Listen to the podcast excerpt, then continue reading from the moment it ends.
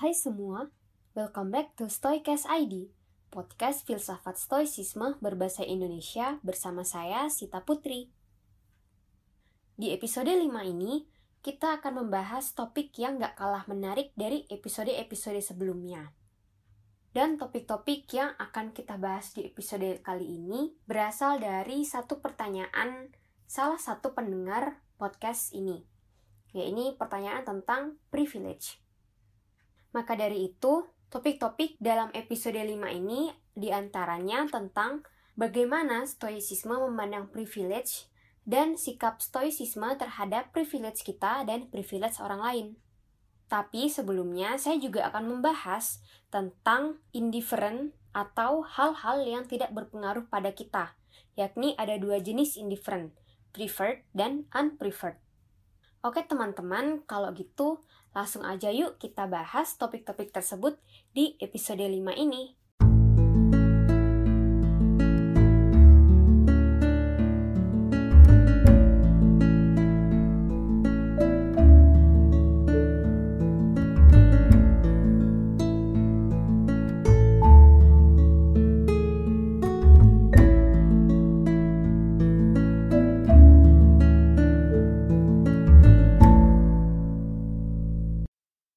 Kita memasuki pembahasan tentang privilege, ada baiknya kalau kita memahami dulu tentang preferred dan unpreferred indifferent.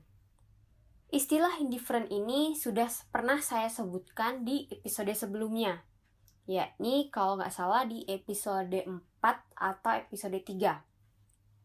Nah, apa itu indifferent? Jadi, indifferent itu adalah hal-hal yang berada di luar kendali dan tidak berpengaruh pada kita, khususnya terhadap karakter dan kebahagiaan kita. Dalam buku Filosofi Teras, dijelaskan bahwa indifferent terbagi menjadi dua, yakni preferred dan unpreferred indifferent. Preferred indifferent adalah hal-hal yang tidak berpengaruh, tetapi jika hal-hal ini ada, akan lebih baik.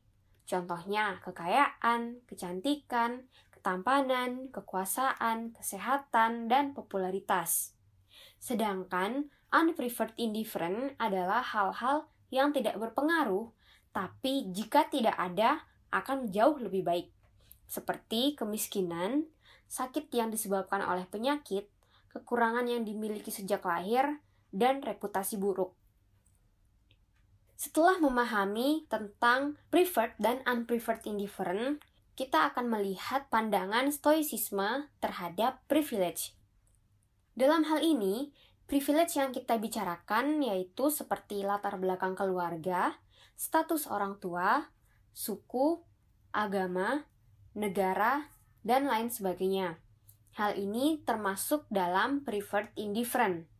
Hal ini dapat diartikan bahwa privilege tersebut berada di luar kendali atau indifferent karena hal tersebut sewaktu-waktu dapat diambil dari kita. Teman-teman masih ingat kan pembahasan terkait dikotomi kendali bahwa latar belakang keluarga, status orang tua kita, suku, agama, tempat kita dilahirkan, dan lain-lain itu termasuk dalam hal-hal yang berada di luar kendali kita. Nah, dengan memahami bahwa privilege itu adalah preferred indifferent, para stoik menyarankan untuk menyikapi privilege tersebut layaknya bermain bola. Dalam discourses, Epictetus mengatakan sebagai berikut, kamu akan menemukan bahwa para pemain bola andal melakukan hal yang mirip seperti orang yang memiliki kekayaan. Bukan bolanya yang dianggap berharga oleh mereka, tetapi yang dinilai baik buruknya adalah seberapa mahir mereka melemparkan dan menangkap bola itu.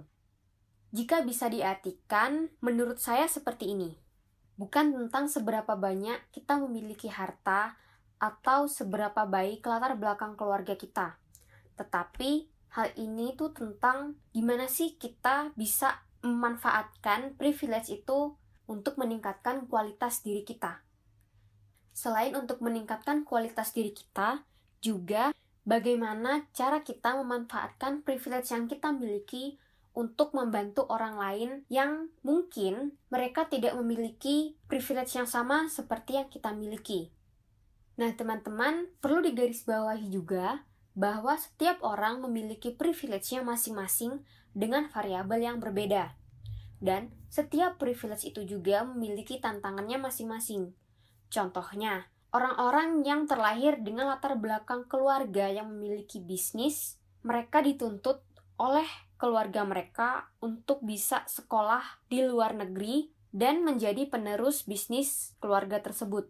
Tetapi belum tentu bahwa orang ini menyukai tuntutan orang tuanya tersebut. Dan setelah mendapatkan tuntutan tersebut, mereka juga memiliki target-target tertentu. Misalnya, jika orang-orang lain mendapatkan target minimal harus mencapai 100 juta, mereka ditarget harus memiliki 1 miliar. Ketika mereka ada yang sudah memiliki 1 miliar, mereka juga ditargetkan untuk mendapatkan 1 triliun. Nah, Tantangan-tantangan tersebutlah yang menjadi pembeda antara satu orang dengan orang lainnya yang memiliki privilege dengan variabel-variabel yang berbeda juga. Terkadang orang yang kita lihat hidupnya memiliki banyak privilege sekalipun, bisa jadi mereka melihat kita memiliki privilege lain yang tidak ada pada mereka. Di sini, filsafat Stoa memiliki sikap yang realistis terhadap privilege tersebut dan tetap konsisten dengan ajarannya. Namun, apabila kita dilanda kesusahan dalam tanda kutip, filsafat Stoa juga tetap menghibur dan berempati dengan keadaan atau peristiwa yang kita alami tersebut. Stoicisme menghibur kita bahwa semua hal tidak enak itu tidak bisa menghambat kita mencapai kebahagiaan sejati dan karakter yang baik, karena dalam keadaan sulit sekalipun, kita masih memiliki hal-hal di dalam kendali kita, yakni persepsi kita, opini kita, dan respon kita juga. Lalu, bagaimana kita menyikapi privilege kita dan privilege yang dimiliki orang lain? Epictetus dalam bukunya Enchiridion menyebutkan seperti ini. Cara berpikir ini salah. Saya lebih kaya dari kamu. Jadi, saya lebih hebat dari kamu. Dan saya lebih pintar berbicara dari kamu. Jadi, saya lebih baik dari kamu. Sedangkan, cara berpikir ini benar. Saya lebih kaya dari kamu, jadi harta milik saya lebih banyak dari kamu. Dan saya lebih pintar berbicara dari kamu, jadi seni berbicara saya lebih tinggi dari kamu. Melalui perkataan Epictetus tersebut, kita disadarkan bahwa sebenarnya kualitas pribadi, kehebatan, bahkan kesucian kita tidak ada kaitannya dengan banyaknya harta yang kita miliki Begitu pula dengan kepintaran yang harus dilihat secara jernih dan logis agar kita terhindar dari kesombongan. Oleh sebab itu, seberapa banyak harta kita, secantik atau setampan apa pun kita, seahli dan sekuat apa pun, hal-hal itu gak menjadikan kita lebih baik dari orang lain, dan begitu pula sebaliknya. Stoicisme juga memiliki tips agar kita terhindar dari sifat iri dan membandingkan diri kita dengan orang lain. Berikut tips dari Epictetus. Setiap kali kamu melihat orang kaya, lebih baik cermati apa yang telah kamu miliki. Seandainya kamu tidak bisa melihat apa pun, kamu berada di situasi yang menyedihkan. Namun, jika kamu tidak memiliki keinginan akan harta benda, sadarilah bahwa kamu memiliki sesuatu yang lebih besar dan berharga. Orang bijak adalah dia yang tidak bersedih atas hal-hal yang tidak dimilikinya, tetapi bersuka cita atas hal-hal yang ia miliki.